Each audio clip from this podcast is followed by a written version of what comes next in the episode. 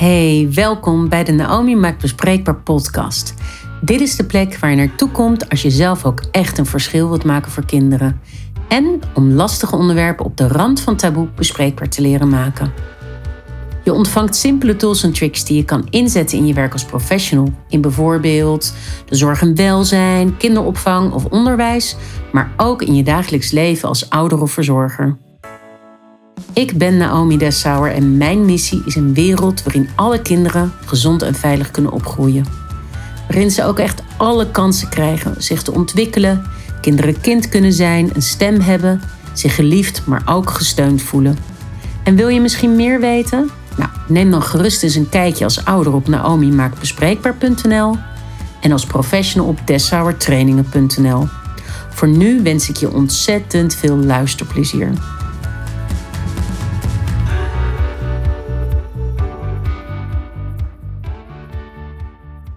In deze podcast wil ik je vertellen waarom het ontzettend belangrijk is dat als je een spannend gesprek hebt met ouders, een volwassenen of met kinderen en er is een emotie, dat het belangrijk is dat je die emotie laat bestaan en vooral niet moet wegpoetsen. Ik kan me voorstellen dat je denkt wegpoetsen, wat bedoel je daarmee? Nou, dat ga ik je uitleggen in deze podcast. En ik weet zeker dat als je deze podcast hebt geluisterd, dat je lastige gesprekken nog succesvoller zullen lopen als dat ze nu misschien al lopen. Ja, ik weet niet of jij het ook kent dat je een spannend gesprek hebt ergens met een professional en dat je geëmotioneerd raakt. Nou, ik heb er uh, voorbeelden genoeg voor, want wie mij kent weet dat ik best wel een mens ben die snel tranen kan hebben en er zijn twee momenten die in me opkomen. Grappig genoeg lijken ze eigenlijk ontzettend op elkaar, die twee voorbeelden. Ik zal ze allebei uh, geven, de voorbeelden. Um, de eerste is dat ik nog weet dat onze oudste dochter uh, zou starten met de peuterspeelzaal. En tot nu toe was ze altijd thuis geweest. Ik had ook thuis oppas gehad. In een bedrijf was dat ook makkelijker. Maar vanaf haar tweede zou ze gaan starten bij de peuterspeelzaal. En ik had een startgesprek, dus ze was nog niet begonnen, maar ik had een gesprek met de peuterspeelzaalleidster. En ik ging eigenlijk gewoon tijdens dat gesprek op een gegeven moment huilen. En waarom ging ik huilen? Omdat ik in gedachten zag ik het al dat ik haar hier naartoe ging brengen. Ik zag al dat ze uh, zelfstandiger zou gaan worden. Ik zag al dat ik er minder zou gaan zien. Ik zag dat het allemaal ging veranderen. En dat emotioneerde me. Ik vond het niet erg. Maar die gedachte alleen al, ja, die maakte me, uh, nou misschien niet eens verdrietig, maar ja, dat maakte in ieder geval de emotie. En ik weet niet eens echt waar die voor stond, maar hij stond er in ieder geval voor voordat ik me iets heftigs realiseerde van, oh ja, ze begint echt groot te worden en dit zijn de eerste stappen naar buiten toe. En nou, dat. Dus, en wat ik zag gebeuren bij de uh, pedagogisch medewerker van de Peuterspeelzaal, ik zag dat ze een beetje in paniek raakte. Dus uh, dat ze zei, oh, oh, nou, uh, want ze kenden me natuurlijk nog helemaal niet. Oh, nou, uh, wil je een glaasje water? Of kan ik een zakdoekje voor je pakken? En ik zei, laat me maar even gewoon. Het is niet erg dat het er is. En ik realiseer me gewoon dat ik het best wel een stap vind. En laat het maar even. Nou, dat was zo'n moment dat eigenlijk, ja, zij bood me van alles aan en ze haalde me eigenlijk uit mijn emotie en uit mijn beweging.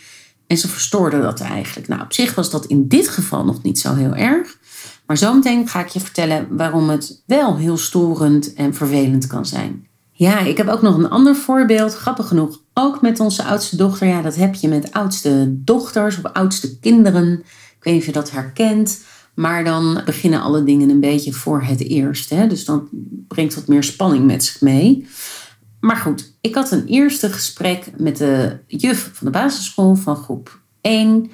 En er waren wat spannende dingen gebeurd in ons gezin. Ehm, qua ziektes en overlijden. En ja, zij vroeg in dat gesprek ook naar of er levensgebeurtenissen waren waarvan het handig was dat ze daarvan op de hoogte was. Dus ik vertelde haar daarover. En ik voelde gewoon een stukje rouw, omdat ik degene waar het om ging ongelooflijk miste. Ik mis diegene trouwens nog steeds heel erg. Dat is onze oude oppas. En tevens een beetje een extra oma geweest voor onze kinderen. En uh, Ali mis ik nog ontzettend. Dus nou, daar moest ik aan denken. En ik vertelde iets over een ziekte wat in de familie was. Daar zit ook een stukje rouw. Dus het voelde gewoon rouw. Dat gesprek voelde daardoor rouw. En ik ging huilen. En ook bij haar zag ik het weer gebeuren. Dat ze een beetje in paniek raakte. Niet heel erg hoor. Ze is wel een redelijk koelbloedige juf. Maar ze ging me in ieder geval wel weer van alles aanbieden. En werd wat zenuwachtig. Zo leek het tenminste. Toen ik ging huilen. En ja, Terwijl het helemaal niet erg is dat ik dat rouwen even voelde. Want het is helemaal niet erg om soms een gemis te voelen, een verdriet te voelen, een boosheid te voelen, je gefrustreerd te voelen. Want dat brengt ook een bepaalde realisatie met zich mee. Dan realiseer je iets je, en soms ga je daar ook zelfs stappen door ondernemen. dus ja, ik, ik denk dat het heel erg positief is, juist dat je emoties voelt. En stel nou dat jij, jij bent een professional en stel dat jij een spannend gesprek hebt met iemand op jouw werk. Stel dat jij bijvoorbeeld een zorg, een vermoeden van huisgeweld of kindermishandeling hebt en of bepaalde zorgen, meestal is het een dan een en, bepaalde zorgen hebt. Eh, stel dat je zorgen hebt over een kind of een kwetsbare volwassene en jij deelt die zorgen en stel dat jij, je hebt zorgen gedeeld, laat ik even een voorbeeld nemen. Laat ik het voorbeeld nemen dat je een juf bent en dat je in een gesprek aangeeft van goh, hè, de laatste tijd heeft uh, Martine wat vaker nachtmerries geeft ze aan. En ik zie ook dat ze moe is. Dat zie ik doordat ze soms in slaap lijkt te vallen. Haar ogen lijken een beetje heen en weer te gaan. Haar wimpers, zeg maar, of haar, hoe noem je dat? Ja, je wimpers. Ze hangt vaak heel erg op haar bureau, waardoor ik dus denk, nou, ze is moe. Ze heeft al een paar keer verteld dat ze veel nachtmerries heeft, veel wakker ligt. En daar maak ik me echt ja, zorgen over. Dan denk ik, jeetje, gaat het wel goed met Martine? En daar wil ik in dit gesprek met je over praten, moeder of vader of wie dan ook. En zo kan je dat een beetje aanpakken. En je merkt hè, dat ik trouwens de zorgen heel concreet benoem. Draai er niet omheen als je zorgen hebt.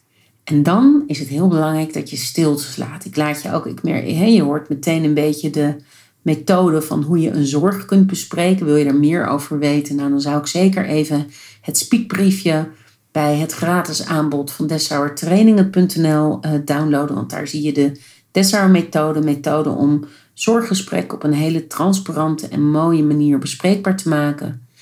En in principe is het natuurlijk de bedoeling dat je daarna bijvoorbeeld een vraag stelt. Je zou iets kunnen vragen als: Goh, nou, ik heb dit nu zo gezegd. Hè, wat me opvalt bij Martine en ook wat ik daarover denk. Hoe is dat voor jou om te horen? Hele mooie open vraag. En daarna is het belangrijk dat je vooral stil blijft.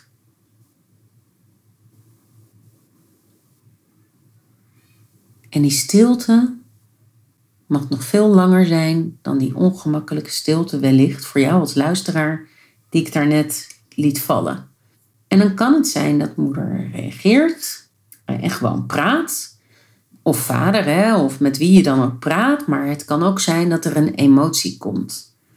Dat wil zeggen, het kan zijn dat deze, nou laten we toch maar even een moeder nemen als voorbeeld. Dat deze moeder boos wordt wie ben jij om je ermee te bemoeien en om er wat van te vinden? Je bent gewoon voor onderwijs en uh, uh, moest ik hiervoor komen? Het zegt zonde van mijn tijd. Wat ben je voor, voor ballenjuf of meester of nou, wat dan ook. Dat kan een reactie zijn. Een reactie kan zijn dat een moeder gaat giechelen. nou, oh, oh, dat is dus opgevallen. nou, god, dat is wel bijzonder. Zo, zo zou er gereageerd kunnen worden.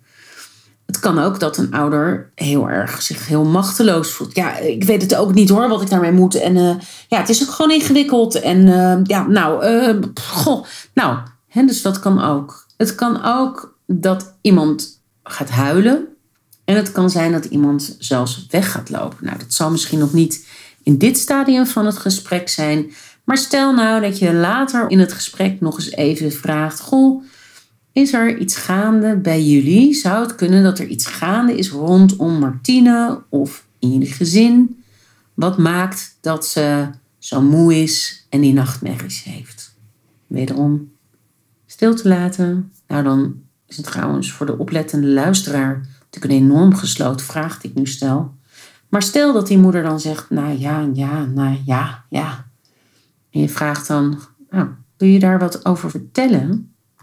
Ja of nee, kan ook, hè? Het is een gesloten vraag, nog gesloten vraag. En dan kun je daarna ook alleen maar het aanmoedigen, hè? dus zoiets zeggen als, nou, doe maar, vertel maar. Ik luister. Ja, dan kan het bijvoorbeeld zo zijn. Dus ik ben trouwens even voordat ik verder vertel wat er dan kan gebeuren of hoe dat verder gaat. Wat belangrijk is, is dat je, je mag best gesloten vragen stellen. Ik heb er net een aantal laten horen.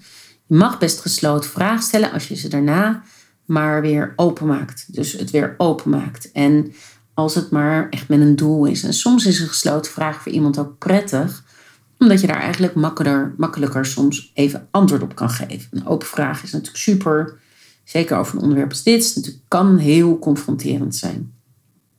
Stel je voor dat jij zoiets raaks vraagt tijdens het gesprek. Dat kan zijn wat ik net heb gevraagd, kan iets anders zijn. En dat een ouder gaat huilen. Of bijvoorbeeld zelfs echt knalboos wordt of wegloopt. Hoe ga jij dan om met dat moment? ik begon de podcast met vertellen dat ik je in deze podcast ga laten horen hoe belangrijk het is dat je in spannende gesprekken emoties moet laten bestaan en vooral niet moet wegpoetsen. Wat ik heel veel professionals zie doen, dat ze het punt 1 trouwens lastig vinden om die stiltes te laten, omdat ze onbewust vaak bang zijn voor dit soort reacties. He, want super kwetsbaar zo'n uh, zo'n stilte. Maar als die emotie komt, dan zie ik vaak dat professionals dat gaan wegpoetsen. En wegpoetsen, daarmee bedoel ik dat als iemand gaat huilen, dat je dan bijvoorbeeld een glaasje water gaat halen, een zakdoekje gaat halen of een arm om iemand heen doet. Niet echt des corona's, maar we krijgen weer een tijdperk, of misschien luister jij nu en zitten we alweer in het tijdperk waarin we weer een arm om iemand heen kunnen doen. Want uh, hè, dat is wel heel belangrijk. Maar wat je doet als je die dingen doet, het glaasje water haalt, een zakdoekje haalt of een arm om iemand heen doet, is dat je eigenlijk het moment van emotie, en die emotie zie ik als een hele sterke beweging, hè, of een moment van beweging, moment van realisatie. Het is een moment waarop er allerlei gedachten door iemand hoofd gaat, super belangrijk. Ehm, soms is het zelfs een beetje een achtbaan waar iemand in zit. Hè, dat iemand dus allemaal gedacht heeft: wat ga ik vertellen, wat ga ik niet vertellen, wat kan diegene aan die nu naar me zit te praten, wat gaat er gebeuren als ik dit vertel of dat vertel, wat is het gevolg daarvan, uh, wat is het effect op die ander, maar ook het effect op mij als ik het ga vertellen. Stel je voor dat er huiselijk geweld speelt thuis bijvoorbeeld.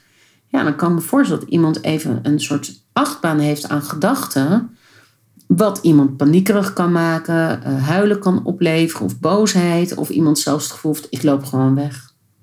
En ik kan me voorstellen dat je hier naar luistert en denkt, ja, sorry hoor Naomi, maar het is gewoon heel vriendelijk en het is gewoon etiketten om als iemand gaat huilen, om een glaasje water te halen of een zakdoekje aan te bieden als iemand ontzettend snottert. En in ieder geval iets aan te bieden. Ja, dat mag misschien wel etiketten zijn, maar je doorbreekt dus een ontzettend cruciaal moment, een soort golden moment, dat doorbreek je bij die ander. Dus wat je kunt doen als je zo'n soort gesprek verwacht, is gewoon zorgen dat er bijvoorbeeld tissues op tafel staan of in de buurt staan. Die zou je zelfs op zo'n moment een beetje naar iemand toe kunnen schuiven, in worst case. Ga ervan uit dat iemand ook zelf de regie heeft en zelf kan bepalen wat hij nodig heeft. Kijk, als iemand echt een glaasje water nodig heeft of een zakdoekje nodig heeft, iemand is zelfredzaam genoeg om daarom te vragen. Daar ga ik in ieder geval altijd van uit. En een glaasje water is trouwens ook gewoon heel netjes om aan het begin gewoon aan te bieden als je een wellicht wat spannend gesprek aangaat. Dus, maar goed, als het er nog niet is, ga het niet aanbieden, want daarmee poets je als het ware de emotie weg en daarmee poets je zelfs dat belangrijke moment weg. Het kan trouwens wel zijn dat jij wel eens in een emotioneel moment iets nodig hebt omdat jij in paniek raakt of het spannend vindt of emotie voelt. Ik vind het helemaal niet erg als je emotie voelt. Ook dat vind ik vaak heel belangrijk. Het is ook niet erg als degene waar je mee in gesprek bent ziet dat iets je raakt, daar mag je ook woorden aan geven wat mij betreft. Maar als jij per se zelf dat glaasje water nodig hebt, hou het dan ook bij jezelf. Dus geef dan bijvoorbeeld aan van, goh, ik zie de emotie bij jou. Ik merk dat dat mij ook raakt. Ik heb zelf behoefte aan een glaasje water. Ik ga dat nu ook halen. Kan ik voor jou ook iets meenemen? Ik zie je zo. Ja, ik vind het niet het meest charmante, want ook dan doorbreek je toch het moment. En voelt het er zelfs een beetje afwijzend naar die ander. Maar als jij dat echt nodig hebt, dan mag je wat mij betreft voor jezelf zorgen. En dan heb je het blijkbaar ook echt nodig. Maar in ieder geval, glaasje water, zakdoekje halen, arm iemand heen. Niet doen, gewoon niet doen. Als iemand boos wordt, wat iemand de neiging toe heeft. Kijk, als iemand boos wordt in een gesprek, dan richt die boosheid zich vaak op jou. Wat ben jij? Hoe kom jij? Kan je wel? Nou, bla bla bla. En de neiging die we hebben is dat we dan gaan verdedigen. Nou, ook gewoon niet doen. Jezelf niet gaan verdedigen. Die boosheid, die hoort niet bij jou, maar die hoort bij die ander. Dus laat het dan ook bij die ander. En pak hem niet over, waardoor je ook weer het moment doorbreekt. Grappig om dat te bedenken, dat je dan weer het moment doorbreekt. Je mag natuurlijk wel grenzen stellen als iemand gaat zeggen van ik weet waar, dat is echt Haags om te zeggen hè. Ik weet waar je huis woont of ik weet waar je woont, ik weet waar je kinderen op school zitten, ik zeg maar wat. Tuurlijk mag je dan je grenzen stellen en iemand mag jou niet aanvallen en iemand mag niet agressief doen tegen jou. Maar vaak vinden we boosheid al heel snel agressief Terwijl het al helpt als je dan zegt: Goh, ik zie dat je ongelooflijk boos bent. Het heeft je blijkbaar ontzettend geraakt wat ik nu heb gezegd. dus daar kan je dan wel iets mee doen. je kan bijvoorbeeld vragen: wat gaat er door je heen? Of wat doet het met je? Of wat voel je nu? maar cruciaal is ook heel veel stiltes laten. Laat het bestaan. Erken dat het er is. En het mag er gewoon zijn. dus doorbreek niet dat moment van die beweging als het ware. En weet je wat tof is? Al die emotie is echt een compliment aan jou. En ook een compliment aan degene waar je mee praat. Jij hebt blijkbaar zulke goede vragen gesteld dat iemand dus ontzettend geraakt is en dat iemand in beweging gebracht is. En tuurlijk is het spannend als iemand heel veel emotie bij je laat zien. En is het ook heel kwetsbaar. Dat kan ik me helemaal voorstellen. maar het is mooi om het te laten bestaan en uh, te benoemen wat je ziet. Maar ook het op een gegeven moment gewoon te laten eventjes. Want de neiging is ook dat we dan, als we dan gaan benoemen, alles tot en met tot punt, komma gaan benoemen. Terwijl ook dan weer kan je het doorbreken. Dus het gaat ook een beetje over vingerspitsengevoel. Hè? Het aanvoelen van wat kan wel en wat kan niet. Maar over het algemeen is de regel in dit soort dingen less is more. Hè? Minder is meer. Het is al snel een enorme overkill. En ik heb een hele mooie les geleerd van iemand die leidinggevende is bij het NIDOS. En een NIDOS vangt kinderen op die uh, hier geen verblijfsstatus hebben. En dit team ging over het team van het NIDOS op Schiphol. En je kunt je voorstellen dat er soms kinderen op Schiphol binnenkomen um, nadat ze onrechtmatig Nederland binnen zijn gekomen. En dat ze bijvoorbeeld meekomen met een ouder die nou, iets illegaals doet. Nou, sowieso is het natuurlijk al niet legaal om met, met goede papieren op reis te gaan, hè, naar een ander land te gaan. Maar het kan bijvoorbeeld zijn dat een ouder op Schiphol wordt tegengehouden door de douane, uh, omdat het blijkt dat iemand drugs aan het smokkelen is of zo, bijvoorbeeld. Stel dat dat de eigen ouder is. Hè? nou, meestal zijn dat de eigen ouders. Kan natuurlijk ook wel eens anders zijn. Maar nou, de douane uh, heeft dat door. Die uh, stopt zo'n ouder. In principe uh, wordt zo'n ouder dan natuurlijk meteen eigenlijk opgepakt. En ja, gaat verhoord worden. En wat er gebeurt is als dat een ouder is die met een kind of kinderen hier binnen is gekomen. Dan worden die in principe wel van elkaar gescheiden. Om te beginnen. En dan komt er dus een gezinsvoogd van het NIDOS. Ja, gezinsvoogd, een, een jeugdbeschermer kan je zeggen. En de wijze les die ik leerde van diegene bij het NIDOS is dat hij mij vertelde, en dat vond ik zo'n mooie les. Die ouders, die moeders met name, die gaan dan vaak compleet uit hun dak. Huilen, met hun handen en armen om, en, en benen om zich heen slaan, krabben, proberen te bijten. Uh, ze worden super boos, uh, soms ook heel agressief. Uh, ze gaan in ieder geval echt vechten als een soort leeuwinnen voor hun kind. En een hele wijze les die ik kreeg, en die wil ik je niet onthouden als het gaat over emoties, is dat hij zei van dat deel van die emotie, die is zo mooi en zo belangrijk, dat beschrijven wij super uitvoerig in het dossier. Dus dat is ook een shout-out voor jou om dit soort emotie dus objectief in je dossier te benoemen. Want hij zei, wat er zo mooi in is, is dat, kijk, we schrijven dossiers, dat, dat vind ik ook, we schrijven dossiers voor als kinderen 18 worden. Of misschien zelfs al voor daarvoor. En we schrijven dossiers, niet alleen daarvoor trouwens, maar we schrijven onder andere dossiers voor de kinderen waar het om gaat. En zodat ze ook het proces snappen wat er is gebeurd. En stel je nou voor dat je als kind ooit terugleest dat je moeder je illegaal meegenomen heeft naar een land om geld te verdienen en drugs te smokkelen. En die heeft je gewoon meegegeven, zonder, without giving up a fight. Zonder een gevecht, zonder enige moeite. En ja, een soort gelaten houding van, ach, nou oké, nou doei. Dat is heel heftig voor een kind. Dus het is veel fijner voor een kind om te lezen dat er emotie was, dat er beweging was. En dat een moeder of een vader heeft gevochten als een leeuw of leeuwin. En ook hier laat je weer zien hoe belangrijk die emotie is. Hoe belangrijk dat is, ook in dit opzicht. Nou, ik ben natuurlijk ontzettend benieuwd. Er is er nog veel meer over te zeggen en dat doe ik ook wel in mijn training, maar ik wil het voor nu hierbij laten. Ik wilde je in ieder geval een aantal handvatten geven om met die emotie om te gaan. Ik snap trouwens dat het spannend is en ook kwetsbaar is, zo'n emotie. Maar nou, laat het bestaan. Oh, hoe vaak heb ik dat wel al niet nu in deze podcast gezegd? Als je hier naar luistert en je hebt hier naar geluisterd, ik ben natuurlijk ontzettend benieuwd. Wat heeft deze podcast jou opgeleverd? Ik ben heel erg benieuwd hoe ga jij om met emoties? En ga je nu iets anders doen dan hoe je het al deed door deze podcast? Nou, ik ben ontzettend benieuwd en laat het me weten in een reactie op deze podcast.